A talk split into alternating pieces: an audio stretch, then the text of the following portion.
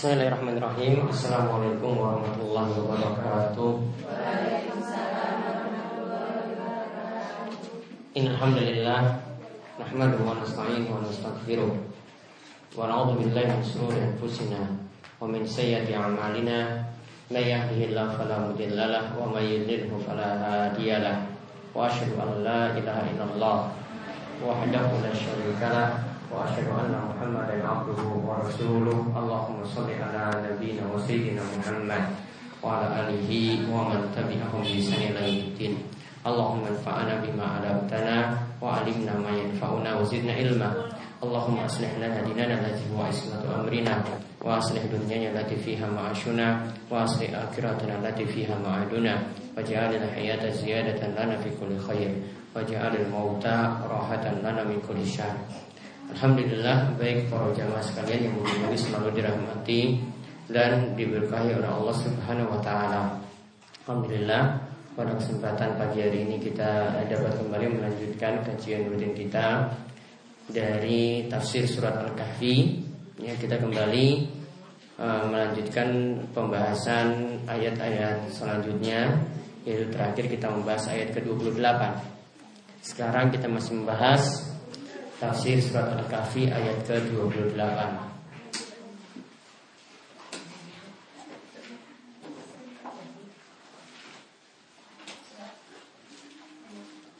Ya moga dibuka surat Al-Kahfi ayat 28 Kita baca sampai ayat 30 Saking tahu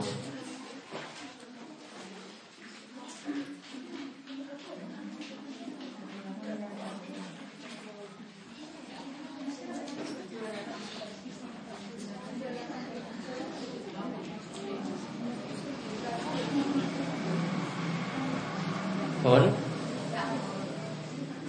Ya sarankan saking tahu A'udzu billahi minasy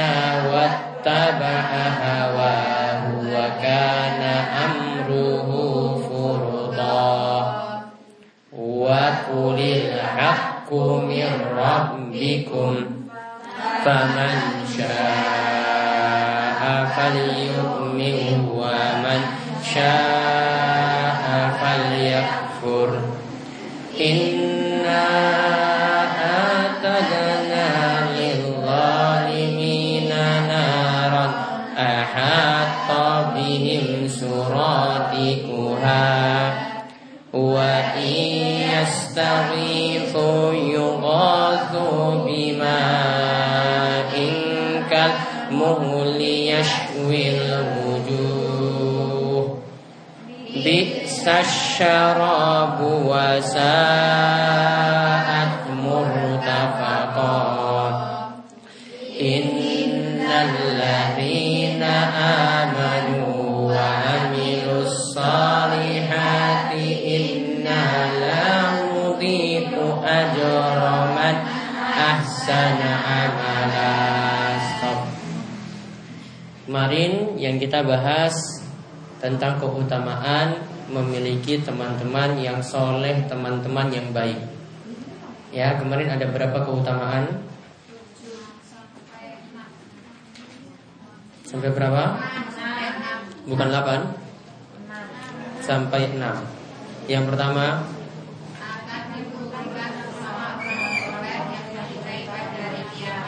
Akan dikumpulkan bersama dengan orang yang soleh pada hari kiamat Yang kedua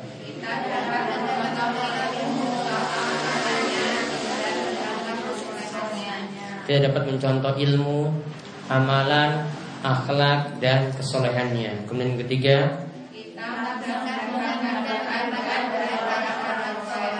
akan mendapatkan doa kebaikan dari orang-orang yang soleh. Ini berbeda kalau berteman dengan orang-orang yang jelek tidak mendapatkan doa, malah kita mendapatkan kejelekan. Yang keempat, teman yang soleh akan membuat kita terhalang dari Teman yang soleh akan membuat kita terhalang dari perbuatan maksiat. Kemudian yang kelima,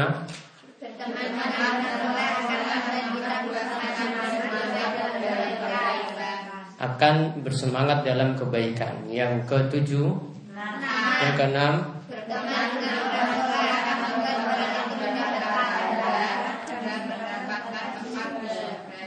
akan mendapatkan pahala dan tempat di surga.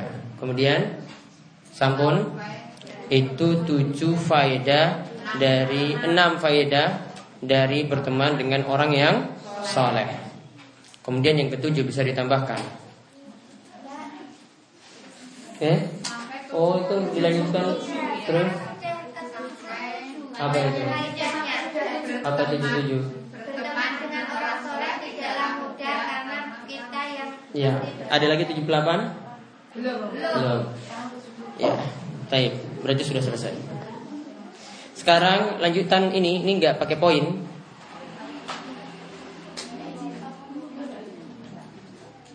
Sekarang judulnya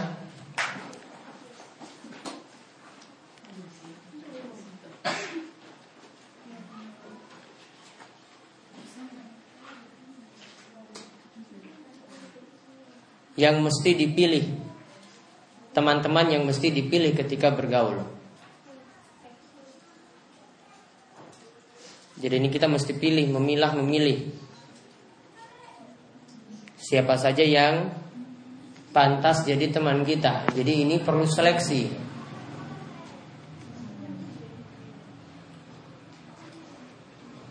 Yang pertama, yaitu yang jadi teman ini bahkan selamanya terus ini akan berbarengan terus suami istri. Tulisan pertama suami dan istri. Ini jadi teman yang berpasangan terus. Makanya ketika memilih suami atau laki-laki memilih istri harus ya memilih juga istri atau suami yang baik. Ya harus memilih suami atau istri yang yang baik ya sudah terlanjur ya sudah berarti. Ya nggak mungkin lagi dia akan milih. Saya mau pilih suami lagi yang baru nggak mungkin kan? Berarti harus diperbaiki keadaan yang ada. Yang sudah terjadi ya sudah terjadi. Gimana lagi? Mau suruh nikah lagi kan nggak mungkin. Jadi harus dipilih. Ya ini terutama yang belum menikah maka ketika dia mau memilih pasangannya suami atau istri maka dia memilih yang baik sama seperti manfaatnya itu sama seperti enam poin yang kita bahas kemarin. Ya, akan mendapatkan manfaat seperti itu. Di sini beberapa dalil yang menunjukkan keutamaan memilih pasangan yang baik itu di antaranya Allah Subhanahu wa taala mengatakan Ya ayyuhalladzina amanu inna min azwajikum wa auladikum aduwwalakum fahdaruhum Wahai orang-orang yang beriman sesungguhnya istri kalian dan anak-anak kalian itu adalah musuh bagi kalian. Bisa jadi musuh bagi kalian. Fahdaruhum maka hati-hatilah kepada mereka. Dan termasuk sini kepada pasangan suami atau istri berarti perlu hati-hati. Ketika belum memilih maka dia harus memilih yang baik, yang saleh, yang dapat menunjang agamanya, yang dapat mendukung agamanya. Berarti jangan salah memilih pasangan. Kemudian yang kedua, yang ini teman-teman yang perlu diperhatikan lagi ketika bergaul. Yang kedua, tetangga. Ini bahkan sangat-sangat dekat. Yang kedua itu adalah tetangga. Maka bergaulah dengan tetangga-tetangga yang baik. Yang kita bisa menularkan kebaikan. Yang kita bisa menularkan menularkan kebaikan.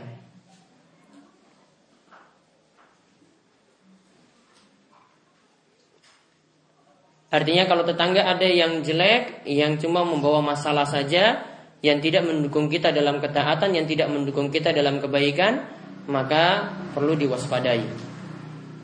Mengurangi itu lebih baik daripada bergaul terus dengan orang semacam itu. Kemudian yang ketiga, teman perjalanan. Teman perjalanan dalam kurung safar.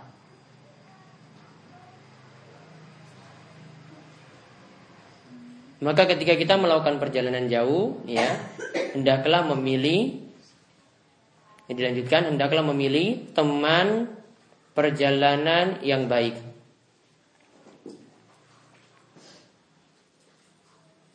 Hendaklah memilih teman perjalanan yang baik.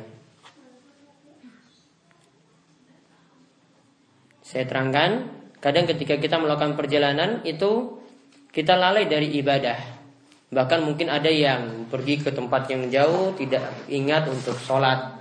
Namun kalau dia punya teman-teman yang baik maka akan mengajak untuk sholat tanpa ada yang pakai alat-alat tertentu, namun ada temannya di sampingnya, maka nanti diingatkan. Cuma temannya bergerak saja mau pergi sholat, maka yang lainnya juga akan terpengaruh untuk sholat. Nah mencari teman perjalanan seperti itu sulit. Kemudian yang ke empat, mencari pekerja atau bawahan yang baik dan amanah. Mencari pekerja atau bawahan yang baik dan amanah. Ini juga perlu dipilih. Ya, atau yang sudah ada itu dididik untuk baik dan amanah. Karena mencari pekerja itu gampang, namun mencari yang amanat itu sangat-sangat sulit. Ya, dan itu suatu keberuntungan jika seorang itu memiliki pegawai yang amanat itu suatu keberuntungan. Apalagi di zaman saat ini untuk memegang uang, untuk diamanai tugas-tugas, nah itu sangat-sangat berat maka dipilihlah orang-orang yang amanah. Kemudian yang ke lima, memilih buku atau bahan bacaan yang baik. Memilih buku atau bahan bacaan yang baik.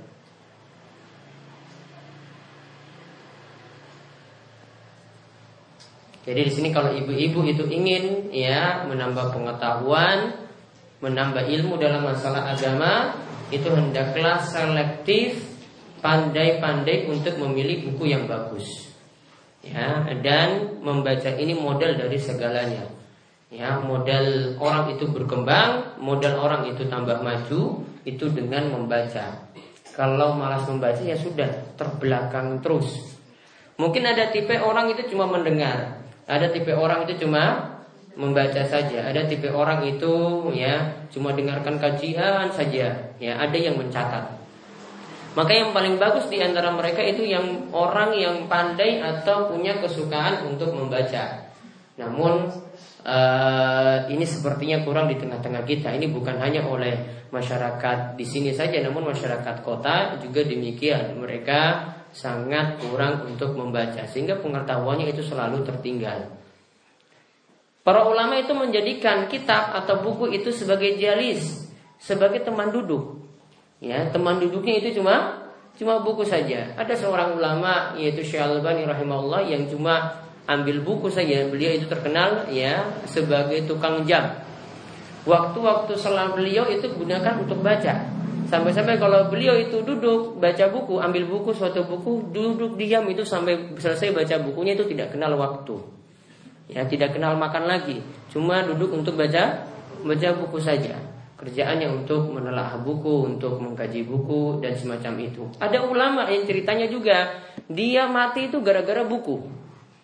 Pernah dia baca buku sambil jalan, ya, kemudian kesandung akhirnya masuk dalam solokan, mati. Coba saking semangatnya kan mati gara-gara baca baca buku dia pegang buku baca terus gitu kesandung batu masuk selokan mati. Ya, karena hobinya baca itu tadi, kegandrungannya sampai luar biasa. Jalan pegang buku terus. Juga di antara para ulama lagi contohkan mereka saking ingin mendapatkan faedah terus di dalam kamar mandi pun itu mereka ingin dapat manfaat. Jadi kalau dalam kamar mandi dia suruh anaknya baca, eh kamu baca buku nanti saya dalam kamar mandi itu lagi buang hajat biar dengar ya ilmu terus di dalamnya. Saking seperti itu coba lihat, saking seperti itu semangatnya untuk baca.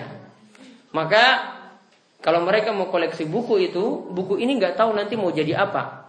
Ya sampai-sampai diceritakan uh, Ibnu Hajar, kalau tidak ya Ibnu Qayyim, itu punya buku.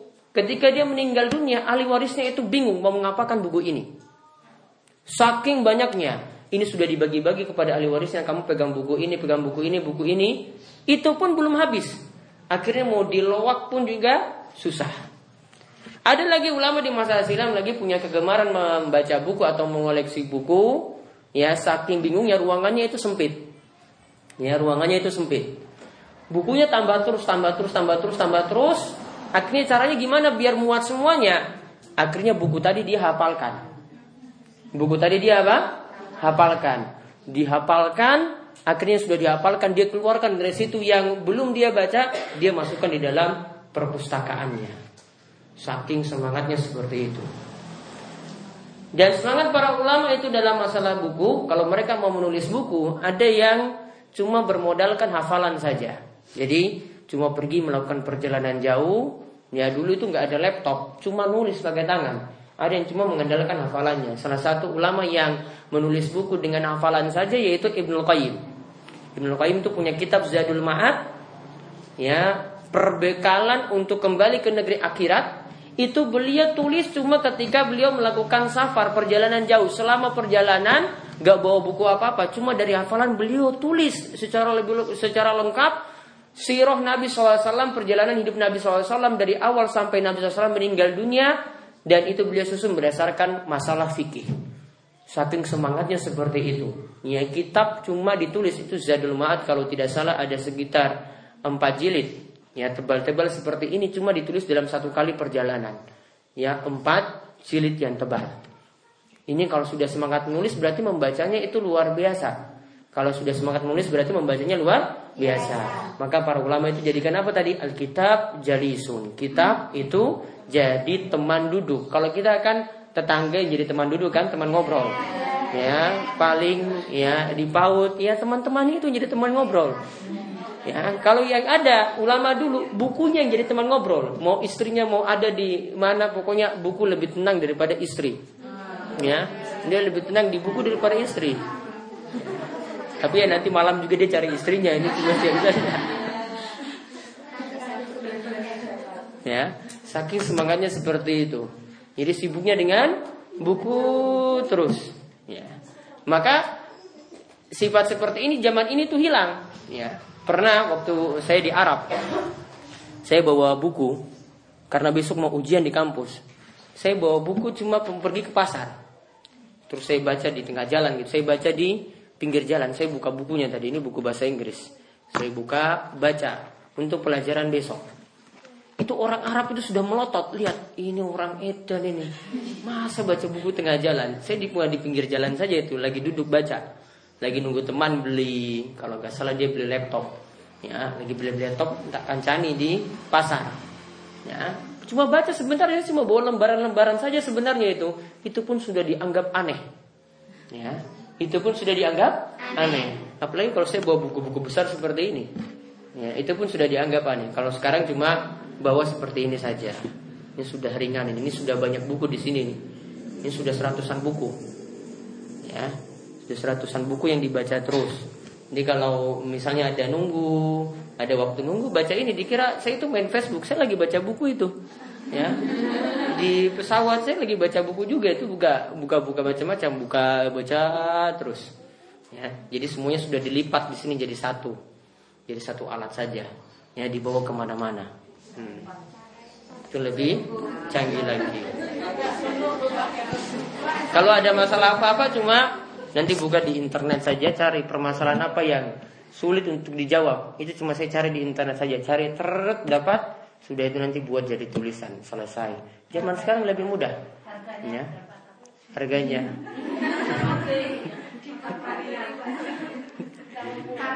dua ini mahal bu.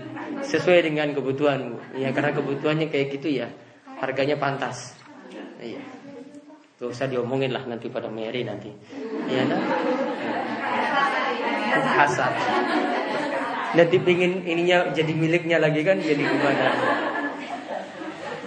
Gak usah diomongin Hasan yang baik ya. Tapi pinginnya ininya hilang gitu nanti. Saya nggak punya apa-apa lagi. Taib. Kita lanjut. Sekarang itu tadi pembahasan ya ayat ke 28. Nah, sekarang kita lihat ayat 29. Jadi 28 itu tentang pertemanan yang baik. Ada juga saya sudah singgung tentang masalah zikir ya. Zikir juga sudah saya singgung ya, zikir pagi petang ya. Dalil tadi wasbir nafsaka ma'al ladzina yad'una rabbahum bil ghadati wal yuriduna wajha. Ya, di sini diperintahkan untuk membaca zikir pagi petang. Pun diamalkan dereng. Oh, belum diamalkan. Masya Allah padahal itu faedahnya itu luar biasa itu. Belum hafal, tapi dibaca nggak? Hah? Dibaca apa dihafal ke? Dibaca. Kalau sudah nggak baca lagi, nggak diamalkan lagi, aduh masya Allah hidupnya itu makanya penuh kesusahan terus. Ini zikir ini luar biasa sekali loh. Ini zikir ini zikir pagi petang itu. Ini zikir-zikir yang luar biasa loh. Orang baca misalnya ketika sore hari membaca auzubi kalimatillahi tammati min syarri Itu disebutkan dalam hadis ya bahwasanya dia tidak akan disakiti pada malam hari dengan hummah. Hummah itu kata para ulama racun. Ya, ada juga yang dikatakan oleh para ulama yang lainnya mereka katakan akrab yaitu gigitan dari kalajengking binatang-binatang yang jahat. Itu sulit gigit cuma baca zikir itu. Jadi kebal tadi orang itu cuma gara-gara sih zikir. Ya, ini cuma kebal itu gara-gara zikir saya. Jadi kita nggak perlu pakai-pakai jimat lagi, nggak seperti orang dulu. Orang dulu itu pakai jimat baru bisa selamat dari kala jengking, dari binatang-binatang, dari berbagai macam gangguan. Atau ketika jalan di tempat-tempat seram, ya kan biasanya pamit-pamit kan kalau sama simbahnya kan, sama yang punya itu kan, tempat seram tersebut. Ya, istilahnya kok Kan biasa pamit-pamit seperti itu, ya. Padahal ini sifatnya orang musyrik. Orang musyrik itu sebagaimana disebutkan dalam surat Al-Jin, wa annahu kana rijalun minal insi ya'udzuuna birijalin minal jinni fazaduhum rohaqa. Sesungguhnya manusia itu ada yang meminta perlindungan kepada jin. Maka jin itu menambah kepada manusia rasa takut. Jadi bukan malah tidak takut, malah tambah takut. Jadi dia lewat situ malah tambah takut. Aduh, amit-amit dikit mbah, mbah, mau minta maaf, mbah. Ya, sampai seperti itu, dia tambah takut. Dan ini syirik. Kalau dia baca ini tadi, ini lebih ampuh. Baca zikir ini lebih ampuh. Lewat suatu tempat yang seram, maka dia baca auzubika limatillahi tammati min syarri ma Aman. Enggak syirik, malah sesuai dengan tuntunan. Dia baca lagi Bismillahirrahmanirrahim mi fil ardi alim. Dibaca lagi ketika pagi dan petang hari juga terjaga dikatakan dalam hadis orang ini akan terlindungi kalau dia baca di sore hari maka akan terlindungi sampai pagi. Kalau dibaca di pagi hari maka akan terlindungi sampai sore. Berarti 24 jam terus dijaga dengan bacaan zikir. Ya, maka ini penting sekali untuk dibaca. Ini ada tiga zikir penting. Ini kalau belum punya nanti diberi ya.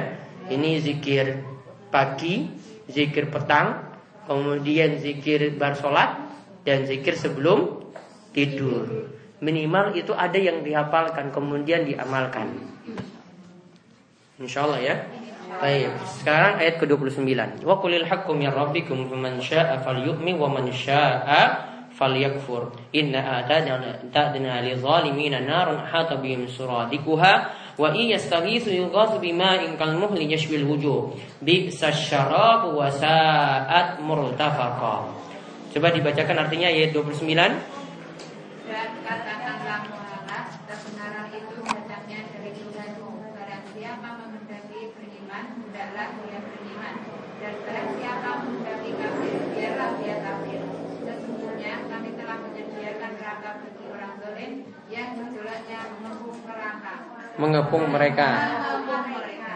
Jika mereka meminta pertolongan minum, mereka akan diberi air seperti besi yang mendidih yang menghanguskan wajah.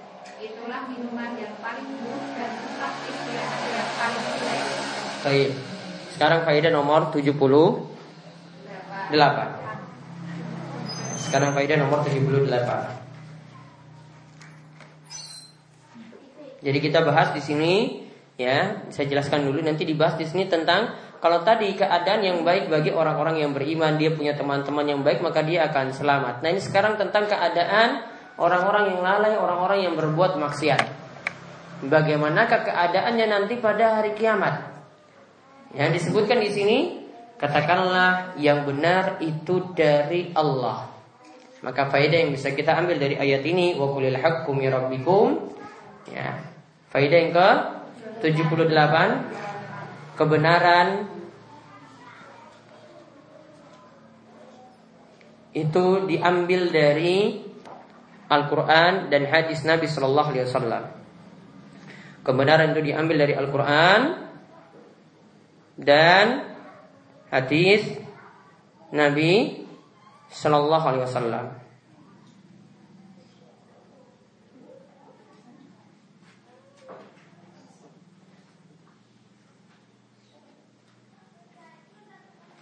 Jadi kalau siapa ingin mendapatkan kebenaran, ditulis siapa ingin mendapatkan kebenaran? Siapa yang ingin mendapatkan kebenaran?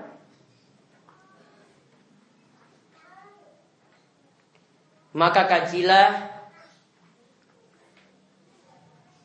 dari Al-Quran dan hadis.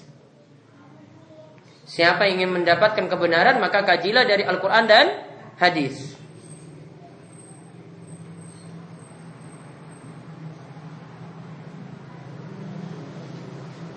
Titik. Berarti di sini kalau orang itu tidak mengkaji Al-Quran dan hadis atau ada yang menyampaikan suatu ajaran itu tidak ada sumber dari Al-Quran dan hadis dari Nabi kita Muhammad Sallallahu Alaihi Wasallam maka berarti dia tidak mendapatkan kebenaran yang ada cuma kesesatan. Maka standar orang itu kalau kita mau menilai dia benar apa yang dia sampaikan yaitu kalau dia bawa Al-Quran bawa hadis dengan pemahaman yang benar maka berarti dia berada dalam kebenaran. Kalau dia keluar dari atau dia melenceng dari Al-Quran dan hadis, maka dia berarti berada dalam kesesatan. Karena Allah katakan di sini wakulil haqqu mir rabbikum. Katakanlah kebenaran itu dari Rob kalian. Kemudian faedah yang ke-79.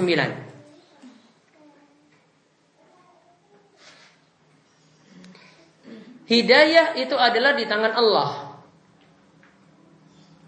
Hidayat itu di tangan Allah.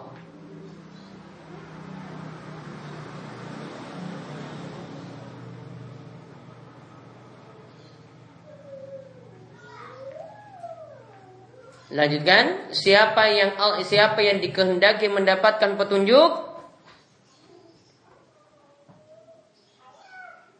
Siapa yang dikehendaki mendapatkan petunjuk oleh Allah?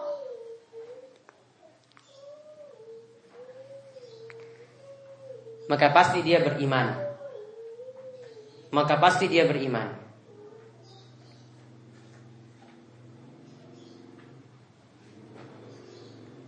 Titik. Dan siapa yang Allah sesatkan? Dan siapa yang Allah sesatkan?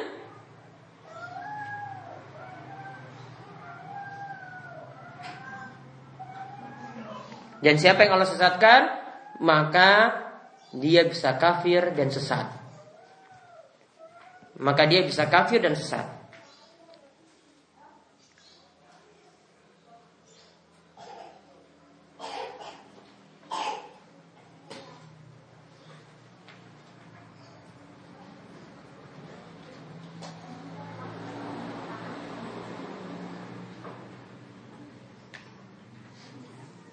Titik faedah yang ke 80.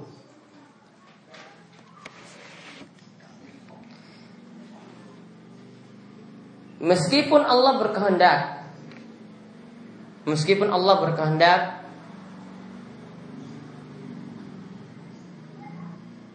Namun manusia juga punya pilihan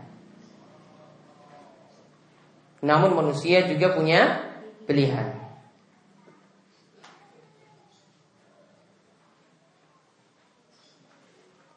Manusia ada yang memilih beriman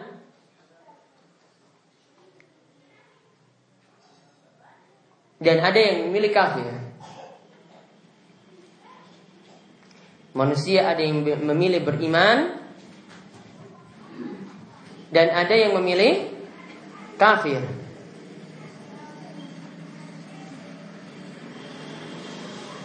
Jadi pada poin tadi ya, saya terangkan dulu pada poin 79 sama 80 itu tidak bertentangan. Kita itu ada yang memilih beriman, ada yang memilih petunjuk, ya. Namun Allah yang nanti akan memberi petunjuk tersebut. Namun ada yang memilih untuk tidak mau beriman, maka Allah akhirnya juga sesatkan. Jadi manusia itu tetap awalnya punya pilihan dulu sama kalau kita mau jalan. Mau pergi jalan, ya, jalan lurus, ada yang menempuh jalan lurus terus dan ada yang mem yang memilih jalan terjal. Ada yang memilih jalan jurang juga.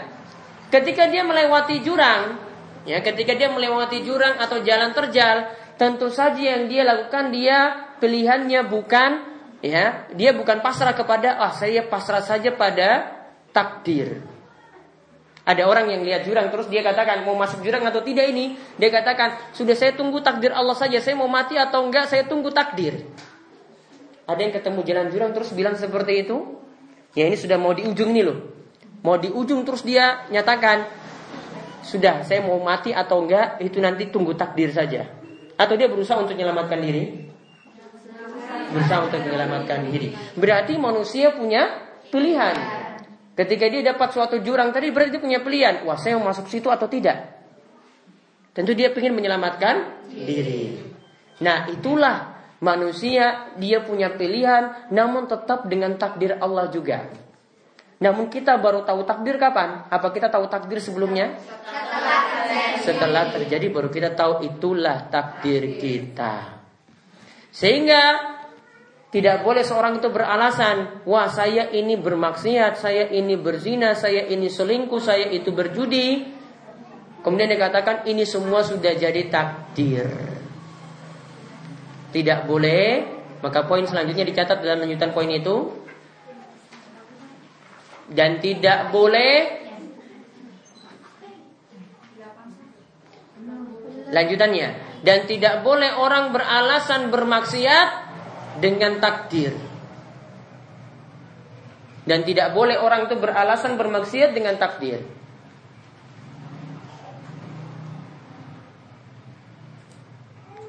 Karena manusia memiliki pilihan. Karena manusia memiliki pilihan. Jadi tidak boleh misalnya dia sudah berjudi ya, wah kenapa kamu kemarin main judi? Kan sudah tahu itu salah. Wah ini sudah jadi takdir. Kok kamu selingkuh sama tetanggamu itu kenapa? Wah saya sudah ditakdirkan seperti ini. Maka kita balas juga, oh kalau begitu kamu main judi seperti ini, biar pihak aparat nanti yang tangkap. Ini mereka tangkap kamu juga dengan takdir. Kamu selingkuh, ya ketahuan kan? Maka kamu berat dapat hukuman juga. Kamu dihukum ini juga dengan takdir. Atau dia misalnya bunuh orang. Wah, saya kemarin kok kamu bunuh orang itu kenapa? Wah, ini dengan takdir Allah, Allah yang tentukan. Maka dia juga kita bunuh juga dengan takdir. Ya. Jadi kalau beralasan seperti itu gampang, sudah pukul dia saya jotos dia. Ini juga dengan takdir saya jotos kamu. Ya. Ya, itu kalau dia beralasan, kenapa kamu selingkuh kemarin? Ya, ini juga saya jotos kamu ini ya, jotos sudah dijotos. Kok kamu jotos saya? Itu juga dengan takdir. Gampang kan kalau beralasan seperti itu. Jadi itu alasan orang bodoh. Dia bermaksiat sedikit pakai takdir alasan takdir. Dia punya pilihan. Jadi dia pakai pilihannya dulu nanti Allah yang tentukan hasil akhirnya. Dia tahu itu takdir atau tidak setelah kejadian itu terjadi. Kemudian faedah yang ke-81.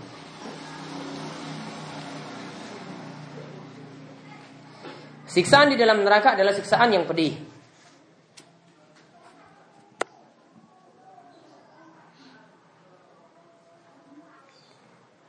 Sisaan di dalam neraka adalah sisaan yang beri.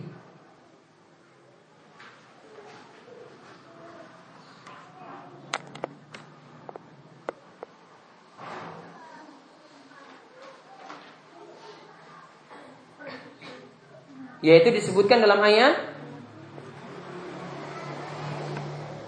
yaitu disebutkan dalam ayat ayat disiksa dengan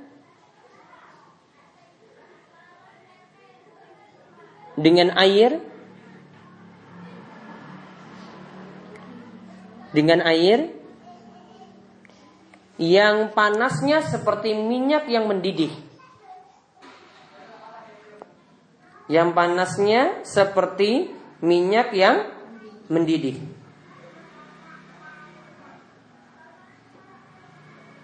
Air itulah minuman di neraka. Air itulah minuman di neraka.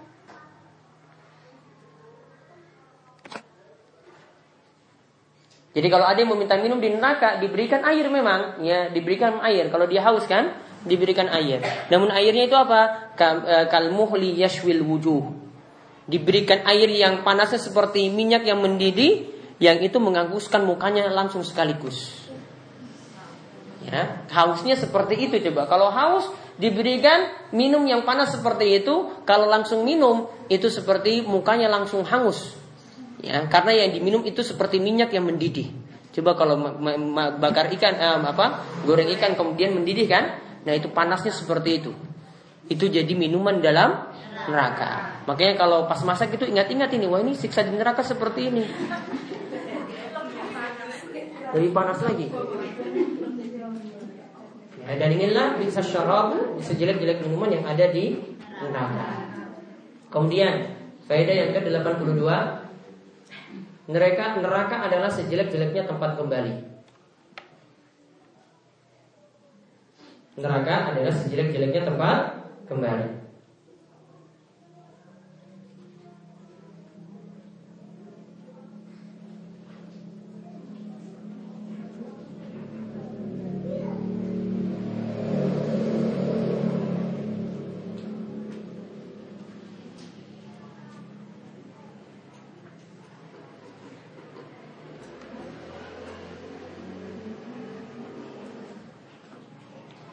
Tadi ini para ulama jelaskan ya, yang dimaksudkan dengan uh, air yang mendidih tadi ini dikatakan ya kalmuhli yashwil wujuh. Itu yang dimaksudkan di sini panasnya itu seperti uap. Ya. Panasnya tadi seperti apa? Minyak yang mendidih. Coba bayangkan kalau kita masak kena uap saja, uapnya panas kan? Uapnya panas seperti itu, apalagi yang dimasak ketika itu airnya itu panasnya berarti bukan main. Nah sama seperti yang di dalam neraka juga. Ketika kena uapnya panasnya ke wajah coba. Itu panasnya sampai ke ke wajah. Apalagi panasnya neraka tersebut sangat-sangat panas. Kemudian ayat ke-30. Innal ladzina amanu wa amilus solihati Inna la nudhi'u ajran ajra man ahsana amala. Sesungguhnya orang yang beriman dan beramal soleh Inna la nudhi'u ajra man ahsana amala. Kemudian pahala-pahala kebaikan yang mereka lakukan itu tidak akan disia-siakan. Sekarang faedah yang ke-83. Faedah yang ke-83.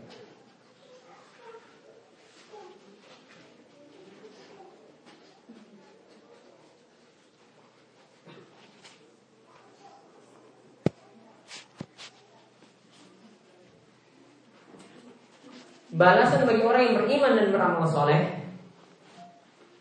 Balasan bagi orang yang beriman dan beramal soleh.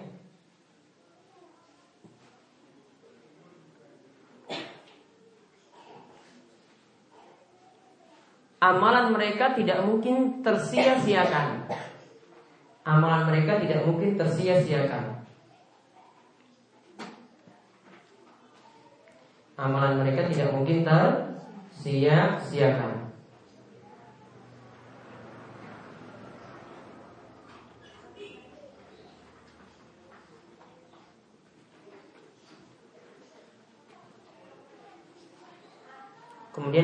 Kemudian faedah yang ke-84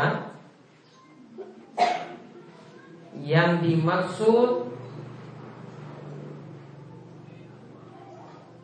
Beramal yang soleh. Yang dimaksud beramal yang soleh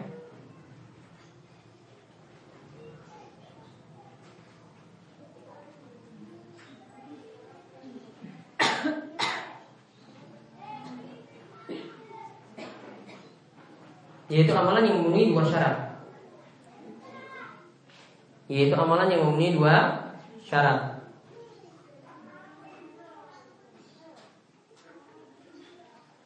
Yang pertama amalan yang ikhlas. Mencari ridha Allah. Yang pertama amalan yang ikhlas mencari ridha Allah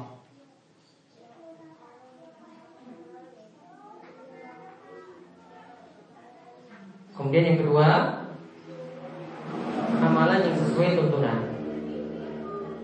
Yang kedua Amalan yang sesuai tuntunan.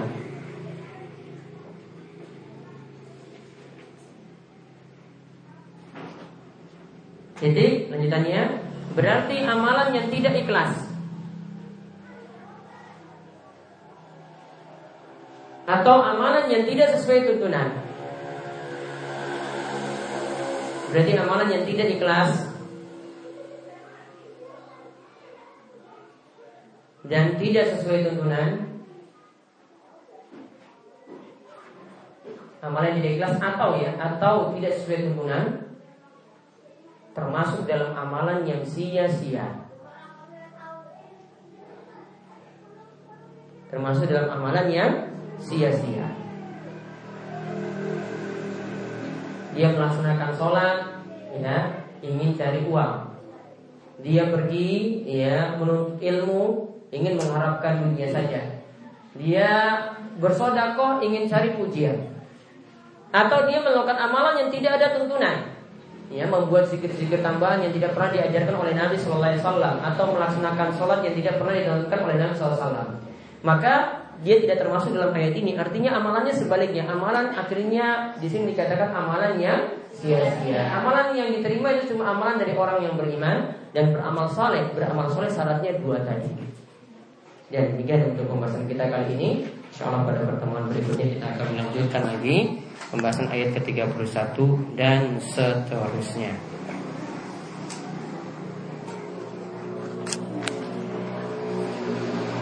Ada yang ditanyakan? Ini kurus.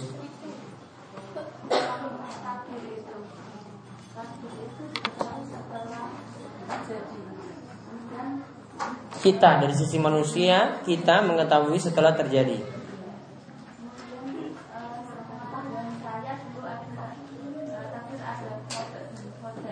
Iya.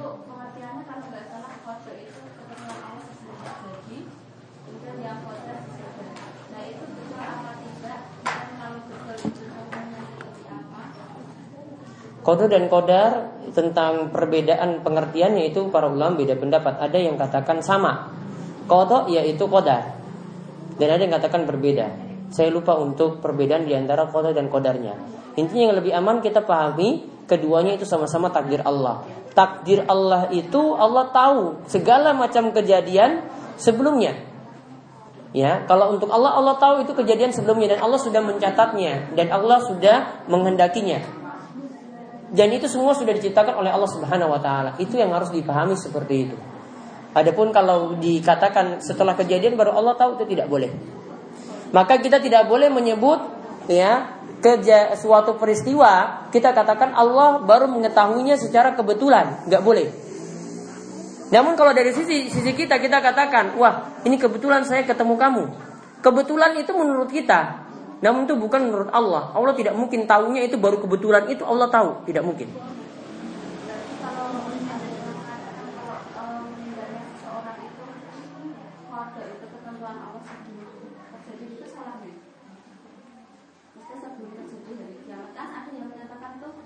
baca buku itu waktu itu contohnya uh, seperti kiamat nanti misalnya uh, meninggalnya seseorang kali itu itu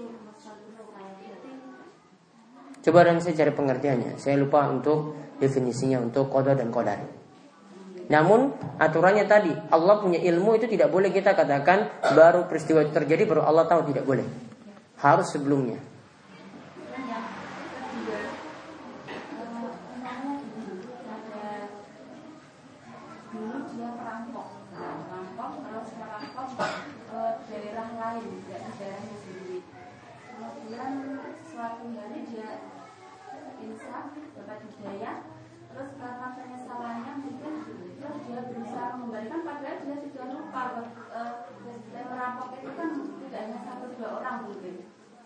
Hmm. Kalau sudah insaf dapat hidayah, kemudian dia berniat mengembalikan, walaupun ketiga orang yang dirampok, eh, dia dia sudah bertobat, ingin kembalikan barang. Kembalikan barang atau uang cuma yang dirampok dulu. Iya. Cuma tidak eh, tidak pas dengan orang yang dirampok bisa diberikan ke orang lain. Orang lain. Apakah itu sudah? Baik. Kalau orang yang punya barang itu dia ketahui maka dia harus kembalikan barang rampokan tadi itu kepada orang yang punya. Kalau lupa atau mungkin orang yang dirampok tadi sudah tiada atau tidak diketahui keberadaannya, maka caranya adalah dia infakkan harta rampokan tadi atas nama orang yang punya. Dia infakkan atas nama orang yang punya. Nanti masalahnya berikutnya, kalau tiba-tiba orang yang punya barang tadi nuntut, ya, Kan sudah nutut kan sudah ketahuan tadi katanya sudah bertobat mau kembalikan. Namun ternyata pas disodakohkan orang yang minta itu untuk mana barang saya. Maka di sini dirinci jadi dua. Kalau ketika dia minta ketahuan tadi itu barangnya sudah disodakohkan dia itu ridho, senang, setuju, maka tidak ada masalah. Yang dirampok ribut ridho, maka tidak ada masalah. Namun kalau dia tidak setuju dia bilang tetap barang itu harus dikembalikan harus dikembalikan meskipun sudah disedekahkan. Begitu. Yang terakhir.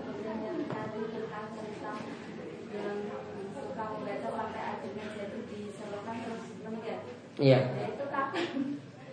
Saya lupa hadisnya baca di kisah ulama. Kapan itu waktunya untuk membaca terus terus maaf prakteknya itu kapan kan kalau uh, bukan hanya tertulis ilmu ilmu ilmu ilmu Hmm. Kemudian prakteknya bagaimana?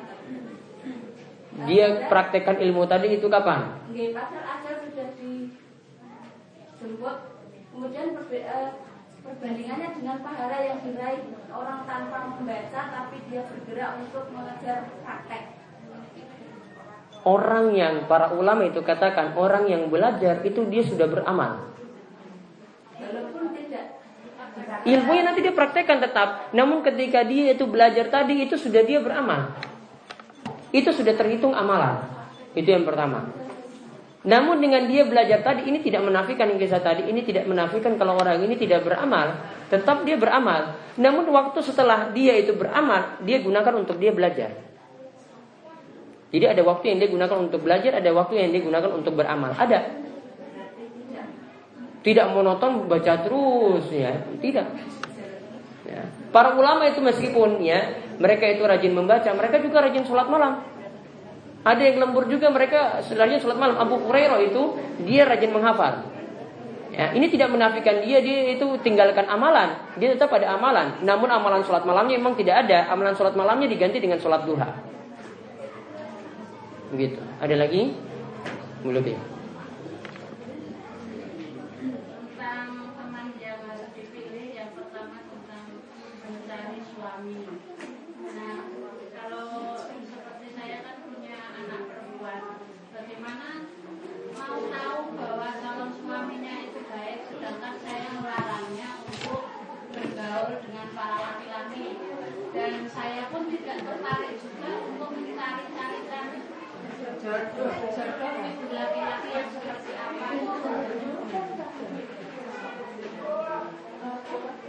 Jadi cara mendeteksinya itu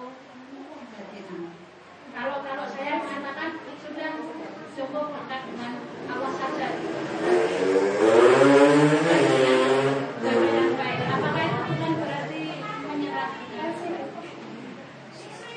Caranya gampangnya ya sebenarnya eh, zaman dulu itu lebih bagus dari sisi mencari jodoh. Pernah nonton film Siti Nurbaya dulu? Pernah.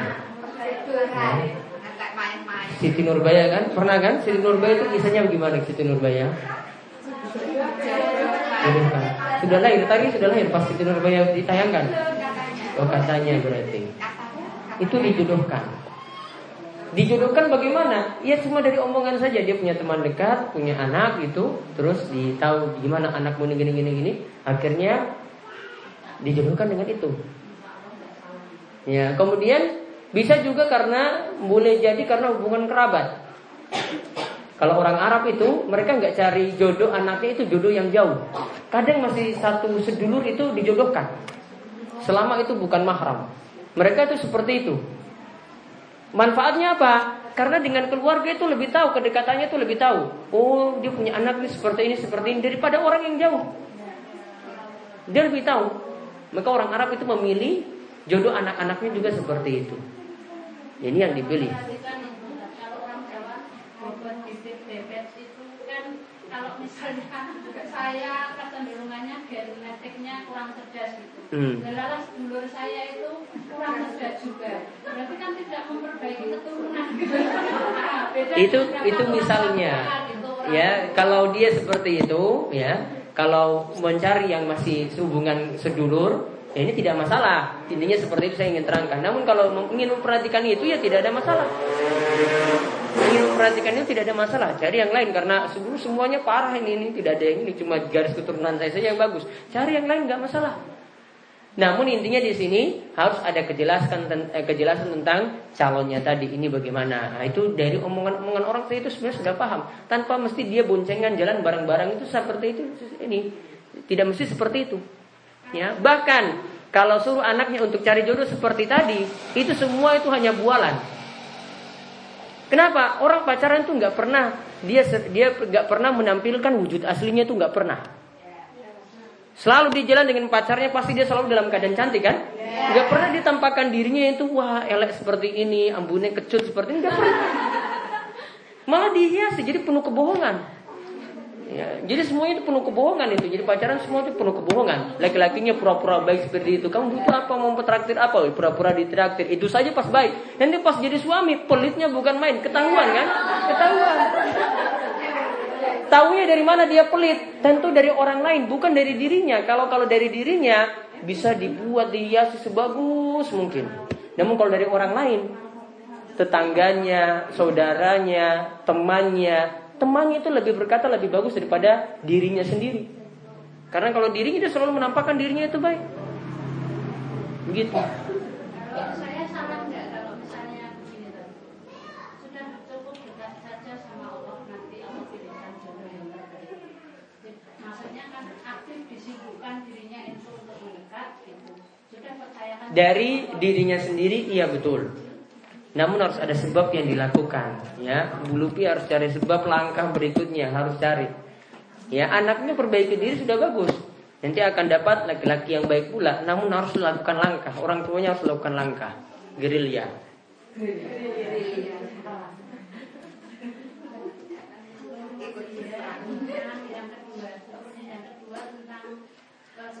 yang kurang baik itu akan menularkan juga ke kita. Itu lebih baiknya kan tidak kita jauhi kan? Tidak kita jauhi tadi makanya saya katakan selama kita masih bisa buat pengaruh dipengaruhi. Namun kalau kita kena jeleknya terus, mendingan kita minimalkan untuk bergaul. Minimalkan saja, artinya pas perlu. Pas perlu baru kita ber, bergaul. Karena orang itu e, dikatakan oleh para ulama tipe orang itu ada empat. Ibnu Qayyim itu ibaratkan orang itu ada empat tipe. Ya, kapan kita bisa bergaul dengannya? Yang pertama, tipe orang itu seperti kita perlakukan dia seperti kita butuh makan dan minum. Artinya setiap saat kita butuh terus. Ini tipe orang yang pertama. Tipe orang yang kedua, kita bergaul dengannya ketika kita punya penyakit. Yaitu kita ibaratkan dia seperti dokter. Saat sakit kita datangi. Saat tidak sakit berarti tidak. Ada tipe tetangga seperti itu. Ya, saat kita butuh kita datangi. Namun kalau dia ya kita tidak tidak butuh, dia biasanya buat masalah ya sudah tinggalkan. Pas butuh saja. Kemudian ada yang ketiga. Kalau tiga dan empat ini jelek. Ya. Tiga dan empat. Kalau tiga itu orang yang bawa penyakit. Kalau yang keempat itu orang yang membawa racun. Ya. Kalau yang ketiga itu cuma bawa penyakit saja. Artinya ketika kita bergaul dapat masalah terus. Selalu bergaul seperti itu, tidak ada baiknya sama sekali, dapat penyakit terus. Namun kalau yang keempat dapat racun, langsung mati. Artinya bergaul dengan dia itu sangat-sangat parah, bahkan dia nanti mengajak kita pada kekafiran. Maka yang ketiga dan keempat ini dijauhi. Yang pertama dan kedua itulah yang kita bergaul dengannya. Sifat tetangga juga ada seperti itu. Ya, ada yang tiga dan empat itu ada. Ada yang pertama dan ada yang kedua. Bagaimana kaitannya dengan hidayah? Apabila yang ketiga atau empat itu kan sudah karakternya buruk sekali, lalu kita tak henti-hentinya mendoakan, apakah tidak menutup kemungkinan bukankah hidayah Allah itu juga bisa dapat hidayah? Bisa. Bisa. Bisa dengan doa dia mendapatkan hidayah. jauh lebih baik. Iya. Terus ini yang ketiga tentang mencari buku-buku yang baik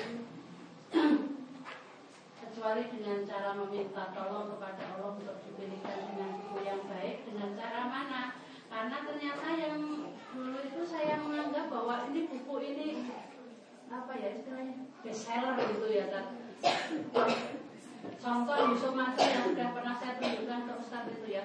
Dari seri pertama dulu keluar terbit pun payakun sampai sederet apa hikmah dari langkah sebagainya. Saya memilikinya dan ternyata terbukti ketika saya ajukan ke Ustadz baru satu buku saja sudah terjadi apa ya beberapa maaf terjadi beberapa kegelisahan padahal di dalam hati saya waktu itu udah murni banget gitu dan buku itu menjiwai pribadi saya. Bahkan sholat-sholat yang nggak ada tuntunannya sampai Al-Fatihah sujud berapa kali pun saya praktekkan gitu Ternyata kan itu kesalahan, padahal itu sumbernya dari buku. Nah itu dari mana? Saya tahu mau memilih buku itu? Apakah cukup uh, dari Ustadz atau dari Kalau sekarang kita bisa memilih pilih buku-buku yang langsung ditulis ulama. Ulama. Jadi bukan ustadz-ustadz tenar bukan. Ya dipilih atau kita pilih buku yang ditulis oleh ulama langsung. Itu lebih aman. Makanya ketika saya kajian itu saya selalu bawakan buku buku-buku lama. Buku lama ini lebih selamat daripada buku-buku baru. Itu buku-buku kuno semuanya. Umdatul Ahkam. Itu buku kuno. Itu buku zaman beratus-ratus tahun yang lalu ya buku yang kita bahas Sahih Fikih Sunnah walaupun Sahih Fikih Sunnah itu penulis saat ini. Namun dia dasarnya itu benar. Dasarnya itu benar. Saya memang seleksi dan saya dulu sangat favorit dengan buku beliau. Karena beberapa buku beliau saya sudah baca.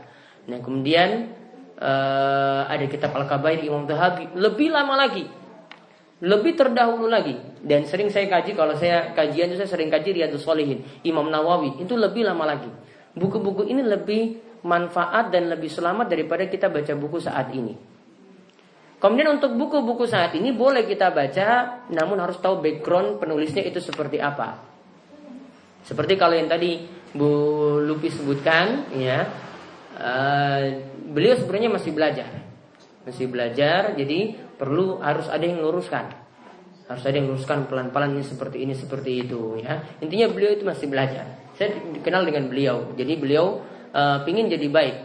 Namun mungkin awalnya awalnya dulu belum didekati jadi masih seperti itu.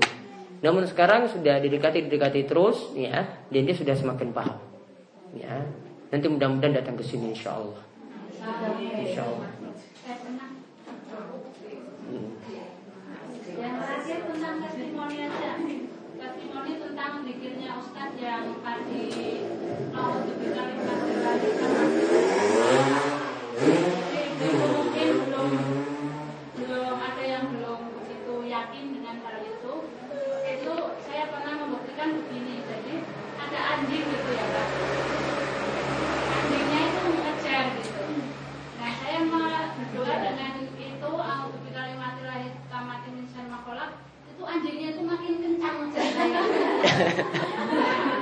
Lalu terus, nah akhirnya doa saya itu nggak karuan karena saking ketakutannya dengan anjing itu, ya sudah alhamdulillah nggak karuan. Yang penting maknanya itu, eh itu anjingnya itu jongkok gitu. Nah itu hanya testimoni saja.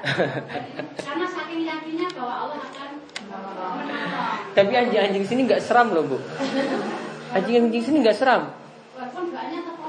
Iya, enggak. Kalau saya bandingkan dengan dulu saya berada di Papua itu ya, anjing sini masih kalah. Dulu anjing sana itu berani-berani. Jadi kita yang takut sama anjing. Kalau sini anjing yang takut sama kita. Ya, karena di sana kan di Mendak ya rata-rata. Ya anjingnya banyak mungkin banyak. Namun dia dia nggak sejahat yang ada di Papua. Kalau di sejahat Papua itu kejar-kejar betul itu. Saya sudah dua kali jadi korban anjing. Dua kali digigit anjing. Satu gara-gara sholat subuh, satu karena main-main. Sudah takdir. Taib sudah? Sampun? Ya Taib. Itu saja yang kita bahas pada kesempatan kali ini mudah-mudahan bermanfaat ya dan insya Allah pada ketemu berikutnya rutin seperti biasa. Sebentar. Kemudian nanti minggu berikutnya kalau bisa yang hafalan ikut yang kajian tafsir Al-Kahfi setiap pagi seperti ini. Nanti minggu depan eh, pelajarannya ada pelajaran sedikit kemudian ujian juz 30 dan 29.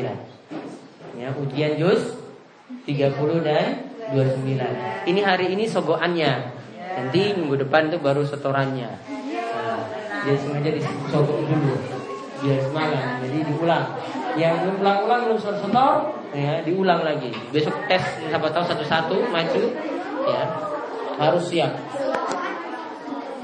Ya subhanakallahumma bihamdika asyhadu an la ilaha illa anta astaghfiruka wa atubu ilaik. Assalamualaikum warahmatullahi wabarakatuh.